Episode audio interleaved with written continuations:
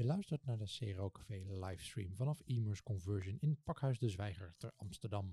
Ik ben Guido Jansen en vandaag praat ik met verschillende sprekers en bezoekers van het evenement. We praten na over de sessies en er komen verschillende stellingen over ons vakgebied voorbij. Deze podcast wordt gesponsord door Effective Experiments, Comfort.com en Buyer Minds. En vandaag was uiteraard niet mogelijk geweest zonder Immers. Dank daarvoor. Sowieso superleuk dat je luistert of kijkt. Wil je nou zelf ook meedoen? Dan kan dat. Als je hier aanwezig bent en je ziet een vrije microfoon, dan kun je er gewoon naartoe lopen en meedoen. En thuis kun je meedoen door reacties of vragen te plaatsen in de comments van de videostream, die je kan terugvinden op cero.café live. De comments daar houden we in de gaten, zodat we jouw vragen aan onze gasten kunnen stellen. Voordat we verder gaan met onze volgende gasten, hebben we nog een klein cadeautje voor jou als luisteraar. Onze sponsor Convert.com geeft alleen vandaag de 11 best verkopende optimalisatieboeken weg aan livestream luisteraars. Het gaat om het e-book Conversion Fanatic van Justin Christiansen en 10 keer Blinkist audio samenvattingen van boeken van onder andere Steve Krug, Robert Cialdini, Seth Godin en Susan Weinschenk. Ja, dat e-book kun je downloaden op cero.café slash cadeau. Is dat even leuk. En we zijn live. Het heeft even geduurd. Lang leven internet, kabeltjes en stekkertjes en uh, nog zo goed voorbereiden en je hele huiskamer verbouwen. maar dan nog. internet niet meewerkt. Als het internet niet meewerkt. Ja, jullie horen Bart. Bart van der Meer. Uh, hij heeft mij ont, uh, ontzettend geholpen met, met de setup, de, de, mooie microfoontjes die hier staan. vertel Bart, wie ben jij? Mijn naam is Bart van der Meer. Ik ben de eigenaar van Agency Clickproces. En een van de dingen die wij doen is conversieoptimalisatie. Dus ik ben blij om te co-hosten ja. vandaag. Ja, superleuk, dankjewel. En we hebben Lonneke. Lonneke, vertel. Waar kom je vandaan? Wie ben je? Wat kom je doen op e-mails? Ja, ja. Um, ik ben uh, Lonneke, ik ben uh, founder van Umix. Ja. In uh, België zijn wij gevestigd. Ja. Um, wij optimaliseren websites en softwareapplicaties door de combinatie van user-centered denken en datagedreven experimenten. Ja. wij zijn eigenlijk ontstaan vanuit de UX-hoek. Um, en ja, proberen van daaruit samen met onze klanten dingen beter en beter te maken. te ja. maken. en uh, je hebt vandaag een sessie hier ja. uh, op Immers. Waar gaat die over? Wat is de titel? Uh, de titel is. ja, ja, ja, ja. ja, lastige vraag. KPI-gedreven CRO. Oh, Hoe ja. begin je eraan? Ja. Um, een van de dingen waar we het net ook al even over hadden, is dat je heel veel ziet dat bedrijven heel graag datagedreven willen worden. Ja. Um, maar blijven hangen in losse experimenten en hier iets en daar iets. En dat het heel moeilijk is om die grote stap te zetten. Ja. Um, en eigenlijk een weg proberen te vinden in de hoeveelheid data. En van daaruit, en, en eigenlijk het redeneren om te draaien. Hè. Eerst te gaan nadenken over wat wil je weten, wat wil je bereiken. En om van daaruit naar uw data te gaan kijken in plaats van andersom. Ja, en ik weet nog, ik, ik zag die titel van je talk en dacht ik van, kan het ook niet dan? Doe je dat, hoe, hoe doe je dat dan als je niet KPI-gedreven optimalisatie doet? Ja, je ziet, wij zien nog altijd heel veel bedrijven, en misschien is dat in België wel een beetje anders dan in Nederland, ja. um, die vooral data verzamelen en dan ja. naar een Google Analytics gaan zitten kijken en ergens iets zien veranderen en dan lukraak eens een AB-test doen of eens ja. iets doen en dan ja, rare resultaten krijgen ja. die dan geloven en die live zetten, het zonder naar een totaalbeeld te kijken. Ja. Uh, een voorbeeld is een, een, klant van ons die uh, online uh, een, een, zeer drukke, visueel heel drukke homepagina, ja. um, call to action, um, veranderd, hè, van eerder boven de fold hadden gezet. Uh, wat dan normaal gezien hè, op papier toch een betere conversie zou moeten opleveren. Hè. Dat zou een no-brainer moeten zijn. In Uit theorie, een AB-testen ja. bleek dat dat niet het geval was. Maar ze hadden ook alleen naar die knop gekeken. En het feit dat verder die pagina zo waanzinnig druk was en, en dat door die meer boven de fold te zetten, dat die knop nog minder hard opviel, ja. Ja. Dus je krijgt een los resultaat waar dat geloofd wordt en waar dat je op voortgaat, maar waar dat eigenlijk waarschijnlijk geen steek houdt als je, als je het breder kijkt en als je ja. um, gestructureerder uh, aan de slag ja. met je data. En, en uh, die, die, KPI's waar bedrijven dan moeten doen, en ik zie wel heel vaak dat bedrijven wel sturen op KPI's, maar dat die dan um, een beetje disconnected zijn misschien met, met de rest van de organisatie. Of ja. dan heel erg op zich en dan gaan we die KPI helemaal optimaliseren en dan wordt die hoger, maar ja, dan wordt iets anders veel slechter, maar ja, dat, die staat niet op ons ja. to-do-lijstje, dat, dat staat niet op ons bonuslijstje voor dit jaar. daar krijgen we geen bonus voor, dus Ja. dit- daar, daar kijken we niet naar. Ehm, ik, ik zat bijvoorbeeld een keer bij een partij die, ehm, eh, nou, die hadden op zich wel, eh, die hadden een hele goede ehm, eh, reporting vanuit eh, BI. En de e-commerce managers van elk land, die kregen, ze kregen 's ochtends een, een rapport te zien. Alleen ja, de data die ze hadden, dat was wel goed. Alleen dat, dat ging om aantallen producten. Nou, dat is het enige wat de e-commerce managers zagen, aantallen producten. Dus dat is het rapport wat ze zochten. Dus kortingen rammen, ja, je raadt het al. Ja, dat is wat je dan doet. Ja, dat is wat je dan doet. Dus dat, ja, eh, dat is waar je het over hebt met je manager. Want dat is het rapport dat je hebt. En je snapt zelf ook wel dat het niet werkt. Maar ja, eh, als dat het enige is waar mensen naar kijken. Ja. Ja, en, eh, en ook belangrijk denk ik, ehm, als je het op de manier doet hoe je het net noemde, dat je er nooit iets van kan leren. Ja. Eh, je, je hebt nooit iets om verder op te bouwen, Nee. want ja, je doet maar wat en volgende maand kan je, kan je meer Ja. wat anders gaan doen. Ja, en inderdaad, de dingen die je doet zijn niet noodzakelijk verbonden met de doelstellingen die je gesteld hebt voor, ehm, hè, Ja. voor je, uw online ambities voor het komende jaar, de komende twee jaar. Ja. En wanneer we een dergelijke oefening doen, ook met klanten, proberen wij echt wel te starten vanuit wat zijn die doelstellingen. Ja. Te starten vanuit de algemene bedrijfsmarketingdoelstellingen, die te vertalen naar online doelstellingen en van daaruit eigenlijk pas naar KPI's te gaan Ja. kijken. Dus die KPI's Kom als laatste. komen eigenlijk als laatste. En daarna kun je dashboards beginnen bouwen. Dan kun Ja. je, krijg je inzicht in wat gebeurt er. En dan kun je beginnen experimenteren. Maar dan weet je wel wat je doet. Ja. En door dat te documenteren weet, kun je ook later terugkijken op van ja, oké, dat is de reden waarom dat we dit doen. Ja. En waarom dat we die test wel doen en die misschien niet. Ehm, Ja, het helpt je ook beslissingen te nemen en te prioriteren. Want als je dat niet weet, want die, die data. kijk, je, kan, je kan testen doen. Je kan zeggen van oké, ehm, de marge gaat omlaag, maar we hebben meer verkopen. Puur alleen die data zegt niet wat je nee. moet doen. Zeg maar. Het hangt van je bedrijfsdoelstelling af. Van oké, willen we marktaandeel winnen? Of willen we eh, juist meer winst maken? Zijn we al, zijn we al marktleider, dan wil je waarschijnlijk gewoon meer winst maken. Maar ben jij een, een, een nieuwe player op de markt? Ja, misschien is wil die winst dan niet zo belangrijk. Je hebt toch een investeerder. die heeft er geld in gestoken. Eh, die wil groeien. Die wil groei Ja. zien. Dus dan is die winstmarge misschien minder. Ja. belangrijk. ja. Dus inderdaad om te starten vanuit wat wil je eigenlijk bereiken en dan pas naar je data te kijken en te zorgen dat je je data int op wat dat je wilt bereiken. Ja. Ehm, maakt dat je heel gericht en, en doelgericht ehm, aan de slag kunt. En, en zit de grootste uitdaging voor jullie dan in de data die je hebt en of je die wel of niet kan gebruiken? Of zit het er meer in zeg maar, het bedrijf en de cultuur en de manier waarop mensen redeneren? Het is de combinatie van de twee. Ehm, je merkt een beetje afhankelijk van de manier waarop dat wij binnenkomen, doordat wij zowel binnenkomen vanuit een pure analytics hoek, hè, dus een bedrijf die zegt, ja, de, de analytics data is hier een puinhoop, help ons structuur te brengen. Ja. Ehm, maar anderzijds komen we ook vanuit een typische CRO-hoek binnen van eh, conversie is te laag, help. Ehm, hangt het heel erg af ja, van de cultuur in het bedrijf. Hè. Als ze zich al bewust zijn van het feit dat de analytics een puinhoop is, ja, dan, dan begin je daar. Ja. Ehm, en is, is daar al een stukje bewustzijn.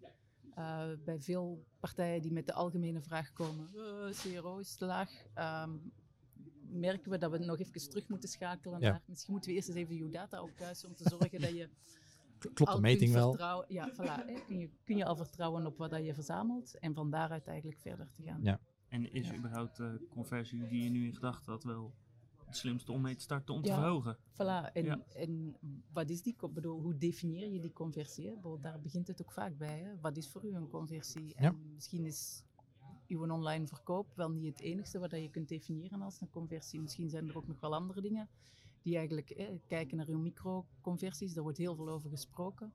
Maar we komen toch nog in te veel bedrijven terecht waar er vooral naar macroconversies gekeken wordt en alle stapjes ertussen.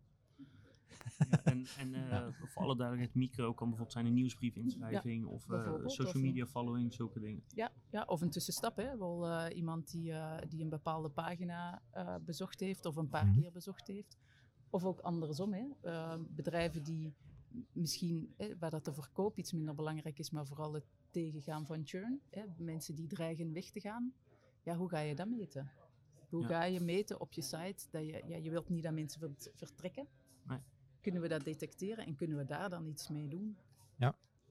En, eh, maar om dat, die op een andere manier te gaan aanspreken. En als je kijkt bij, bij de bedrijven waar jullie zitten, eh, de AB-testen, eh, hoe, hoe groot onderdeel is dat van je werk, zeg maar?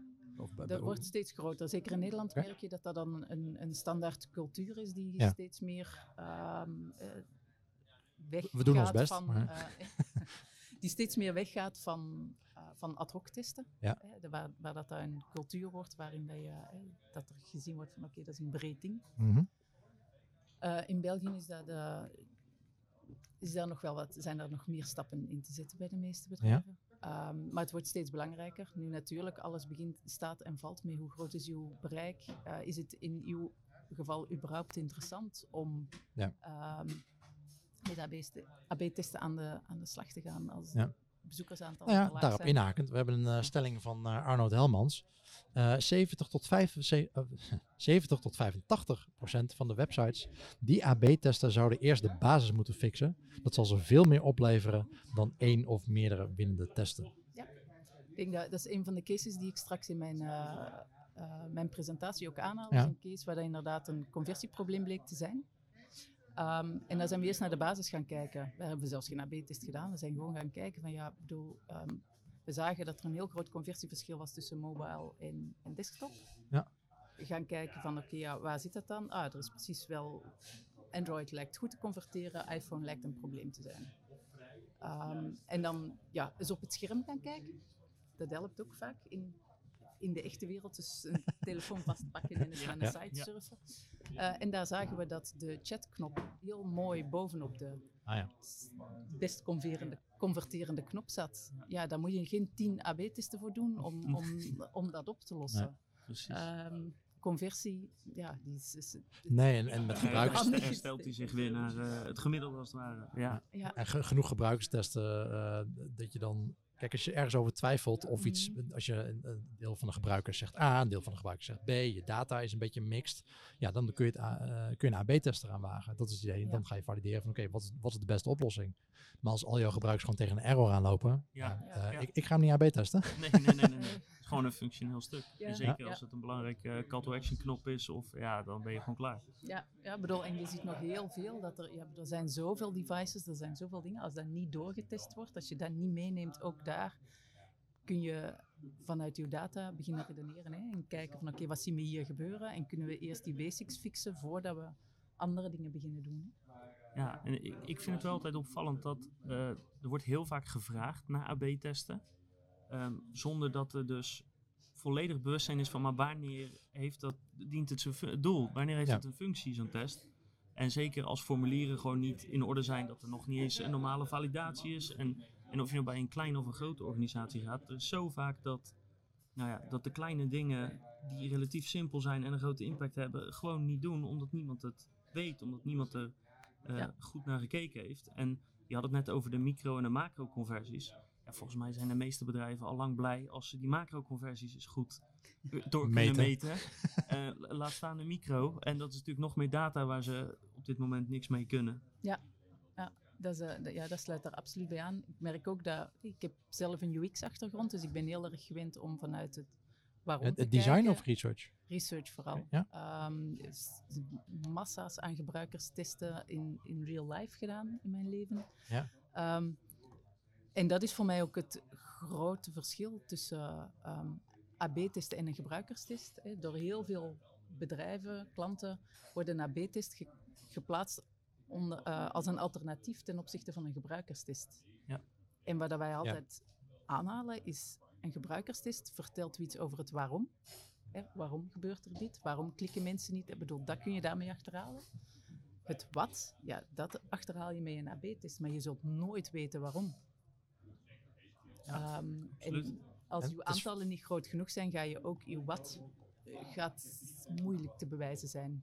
Ja, het is meestal die, ehm, eh, de gebruikerstesten die, die geven een verklaring voor, of een extra eh, laag eh, bovenop je de data, bijvoorbeeld Google Analytics wat je hebt. Ja. En dat dient dan weer als input voor een AB-test. Ja.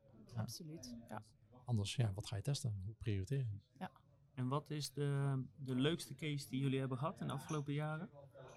Ehm, denk, op CRO-vlak denk ik dat de twee cases die we nu vandaag aanhalen, dat zijn inderdaad, eh, dat zijn, ja, dat soort kleine winsten vind ik eigenlijk altijd het Ja. leukste. Hè? Zo, eh, die vraag die ik daarnet aanhaalde over ehm, het feit dat je ontdekt van ja, zie dat je knop gewoon zichtbaar is. Ja. Daarmee is het eigenlijk heel snel opgelost. Hè? En, eh, en dan kun je naar andere dingen en, en leukere dingen gaan. Ehm, andere case dat we nu voor, uh, voor Allianz gedaan hebben, is, um, dat, dat kaderde ook binnen een groter verhaal, maar een Mhm. van de zaken was dat de leadformulieren geoptimaliseerd moesten worden. En daar hebben we het hele traject kunnen doen. Dus daar zijn we inderdaad gestart vanuit, ja, wat is er nu? Een verbeterde versie ge- eh, uitgewerkt in wireframes, daar gebruikerstesten mee gedaan, op basis van die gebruikerstesten een aantal AB-testen geïdentificeerd Ja. en die getest op de oude site. Dan in development gegaan, tijdens development goed doorgetest op alle verschillende devices en ehm, eh, browsers en, en, en noem maar op. Om dan uiteindelijk met een split URL-test live te gaan, om ook daar eh, het verschil van het, de, totaal, de twee totaaloplossingen naast elkaar te kunnen zien. Ja, dat is gewoon een heel leuk traject om, om het resultaat van je werk in een totaaloplossing te kunnen, Ja. eh, te kunnen zien. Ehm, eh, jullie werken voor zowel Nederlandse partijen als Belgische Ja. partijen. Zien jullie in het klantgedrag, dus niet zozeer de partijen zelf, eh, dat zei je net al, er zit wel een verschil in, eh, in hoe ze met eh, optimalisatie omgaan überhaupt, maar het klantgedrag van op de website, zie je daar eh, verschillen? Dat is beperkt. Ehm, in pure e-commerce omgevingen zie je dat, eh, dat Nederlanders eerder prijskopers zijn als Belgen. Nederlanders zijn Ja, over het ja, algemeen iets, ja, wat, eh, ja. iets, Dat is typische Belgische opmerking. iets of wat gevoeliger aan, eh, aan kortingen. Ja. Ehm, maar eigenlijk, ja, nee. ik bedoel, ehm, mensen zijn mensen, mensen toch wel. zijn mensen. En wel, zeker in België hebben wij dat vanuit een UX-hoek heel veel. Hè, dat er eigenlijk vanuit, hè, wij zitten met twee, eigenlijk drie talen. Dus wordt er ook in gebruikerstesten verwacht dat je in de twee landstalen test. Oh ja. En eigenlijk is dat, wa- tenzij het echt over labeling gaat, tenzij het echt over woordkeus gaat, maar Ja. in alle andere gevallen ja, doen we dat om, om eh, de kerk in het midden te houden. Ja. Ehm, maar niet omdat dat significant grote verschillen heeft over hoe dat een Waal surft op een e-commerce website Nee. of een Vlaming. Zo. Nee, in mijn ervaring zijn het vooral verschillen die te maken hebben vaak met wetgeving. Wat mensen verwachten of eh, gewoon heel simpel betaalmethodes, zeg maar, die in een bepaald land zijn. Ehm, als je in België geen bankcontact hebt, dan, eh, of in Nederland geen ideal, ja, dan, Ja. dan is dat lastig. Ehm, of een keer een gebru- een gebruikstest gedaan met Duitsers. Eh, nou, die zijn heel erg gericht op die regeltjes en daar is een algemene voorwaarde super belangrijk. En dan als je zeker als je geld terug wil krijgen of eh, verhaal wil halen. eh, die waren gewoon op, op, mo- op mobiel. Hè? Die waren gewoon, vijf van de zes mensen waren gewoon vijf minuten door, door de algemene voorwaarden aan het scrollen op mobiel. Nou, dat heb ik in geen enkel land meegemaakt. En, en ja, is dat echt iets, iets typisch Duits? Ja, nou ja, wel dat ze het doen, maar ik denk dat het heel erg gedreven wordt door zo'n door wetgeving en, en eh, hoe, ze dat in, elkaar, in elkaar, hoe ze daarmee omgaan. Ja, wij zien de grootste verschillen in, ehm, in taal, taalgebruik. Ja. Hè? Eh, woordverschillen, ehm, Ja. en zeker in een e-commerce omgeving, ja, eh, benamingen voor producten die net wat anders zijn, ehm, ja, dat maakt echt wel een verschil. Ik zie, ik heb wel eens analyses gedaan met, eh, dat, was, dat was niet op websites, maar met AdWords data. Mhm. Best wel grote verschillen tussen ehm, Noord-België en Zuid-België. Ja. En eh, met, met, met Duitsland hetzelfde. Ja. Eh, tussen Oost- en West-Duitsland. Eh, we hadden een, een ja, de e-commerce manager, degene die de tekst schreef voor, voor de, de advertenties. Dat was een Oost-Duitser. En had een veel hogere click-through rate in Oost-Duitsland. Dus op de een of andere manier toch, ja, dat sprak meer de Oost-Duitse taal, zeg maar. Dus hebben we daar een andere tekstschrijver op gezet uit, uit West-Duitsland. En dat werkte dan weer veel beter. Dat is wel grappig om te zien. Ja. Hey, een, een andere stelling. Ehm, gaat AI alle CRO-specialisten vervangen? Hoe, hoe lang hebben we nog? Of, of is het na deze stream gewoon afgelopen? En, eh, Ja, nou, ja, de ja, stream kan elk moment aflopen als Ja, ik het ja. eh, internet van vanmorgen eh, moet geloven. Maar Goh, denken jullie daarvan? Ja, ik- sowieso is het net als met alle vakgebieden dat AI gaat natuurlijk beginnen met de simpelste dingen over te nemen. Dus Ja. dat zie je nu bijvoorbeeld bij, ehm, eh, in, de, in de medische wereld, dat AI beter is in het detecteren van bijvoorbeeld een bepaalde longkanker dan, dan artsen zijn. Maar dat is natuurlijk ja, het allersimpelste. Heel specifiek, ja. Ja, dus, dus als het ergens gaat beginnen, dan gaat het natuurlijk ook daar beginnen. Alleen de vraag is vooral hoe goed wordt AI in het, in het snappen waarom?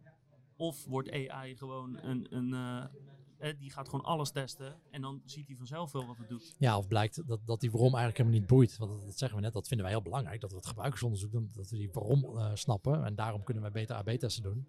Ja. Eh, maar ja, die, die, die AI kan misschien wel zoveel eh, data inzuigen. En dat die, Ja, dat, en, en ja. vergelijken over platformen. Misschien wel eh, hè, honderden, duizenden shops met elkaar vergelijken. En daar nog veel sneller van leren dan dat wij kunnen. Maar gelukkig denk- zijn wij als, als industrie wel in ieder geval gewend om, om te veranderen en dingen te testen. Ja. Dat is een beetje inherent aan wat we doen natuurlijk. Dus Ja. Ja, ik denk inderdaad, bedoel, het, gaat, het gaat absoluut dingen overnemen. Ehm, maar inderdaad, het waarom moeilijk invullen. Ik denk dat we anderzijds in dit geval misschien ook wel het, ehm, het nadeel slash voordeel hebben dat we in een zeer klein taalgebied zitten. Ja. Eh, waardoor dan natuurlijk alles wat dat met artificiële intelligentie in de Nederlandse taal, eer dat de hoeveelheden data en de intelligentie die dat daar op taalbasis, want daar gaat het in call to actions en eh, dat soort zaken gewoon vaak Ja. over. Eh, eer, dat ze daar, eer dat je daar bent, ehm, gaan we wel heel veel data nog moeten voorzien aan onze artificial intelligence eh, omgevingen. Ja. Ik denk dat als we kijken naar eh, ehm, het vechten met ehm search-oplossingen, ehm, intelligent search-oplossingen op websites, eer dat je die gevoed hebt met een voldoende brede synoniemenlijst die snapt dat, eh, waar dat wij het ooit voor een, eh, heel hard gevochten hebben bij een doe-het-zelf keten. Ja.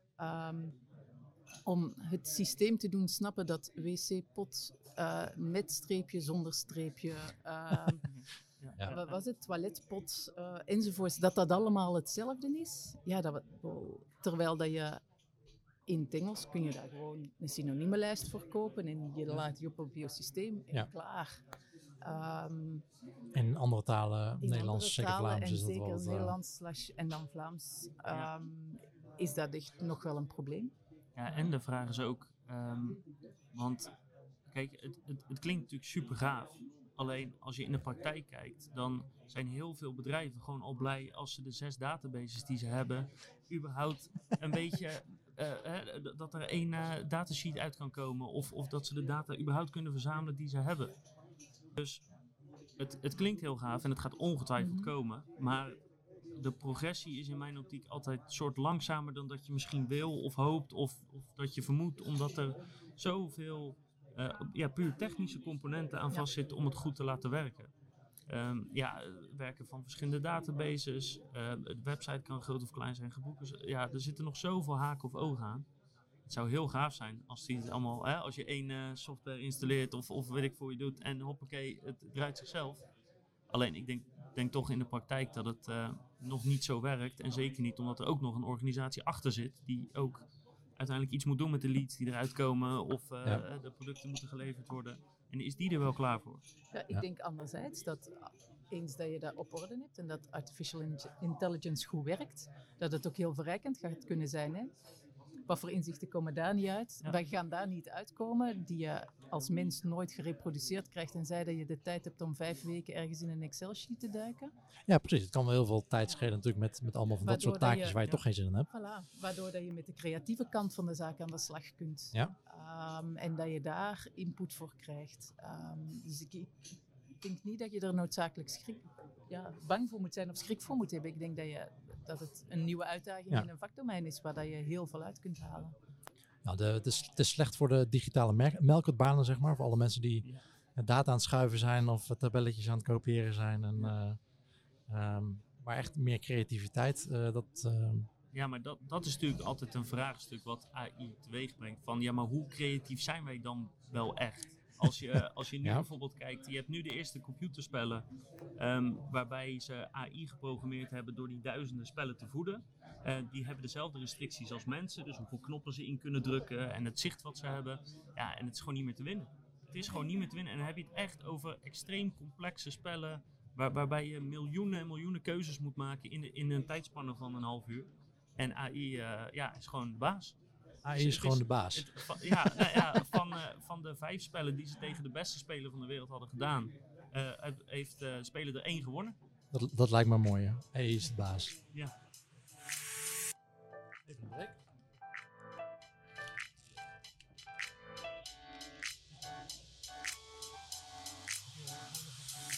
Wil je nou echt stappen maken met je online resultaat? Biominds helpt je met een no-nonsense designproces gebaseerd op slim onderzoek, data en bruikbare inzichten uit de gedragspsychologie. Bij BioMind staat return on investment voorop. Geen uptake, geld terug. Meer weten over conversieoptimalisatie, redesign of het trainen van je team? Ga naar biominds.com en ontdek hoe je binnen drie maanden je conversie maximaliseert. Dat was Lonneke Spinhoff. Dankjewel.